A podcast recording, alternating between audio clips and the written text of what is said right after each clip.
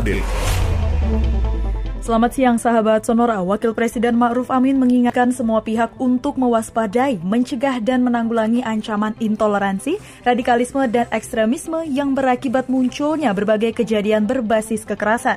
Intoleransi, radikalisme dan ekstremisme berbasis kekerasan ya sahabat Sonora, ini memang merupakan gangguan keamanan dalam kehidupan masyarakat serta dapat mengancam ideologi dan sistem kehidupan berbangsa dan bernegara.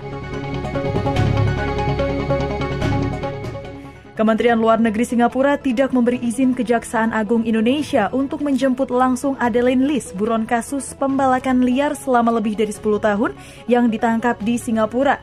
Karena sesuai dengan aturan hukum Singapura, Adeline Lis hanya akan dideportasi dengan menggunakan pesawat komersial. Sebelumnya KBRI di Singapura telah berkoordinasi dengan Jaksa Agung Singapura untuk menyampaikan keinginan Jaksa Agung Republik Indonesia agar diizinkan melakukan penjemputan khusus bagi Adeline.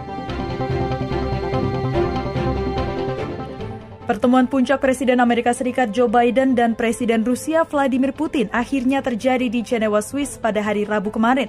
Terlepas dari ketegangan kedua negara, para pemimpin sepakat untuk memulai pembicaraan keamanan cyber dan pengendalian senjata.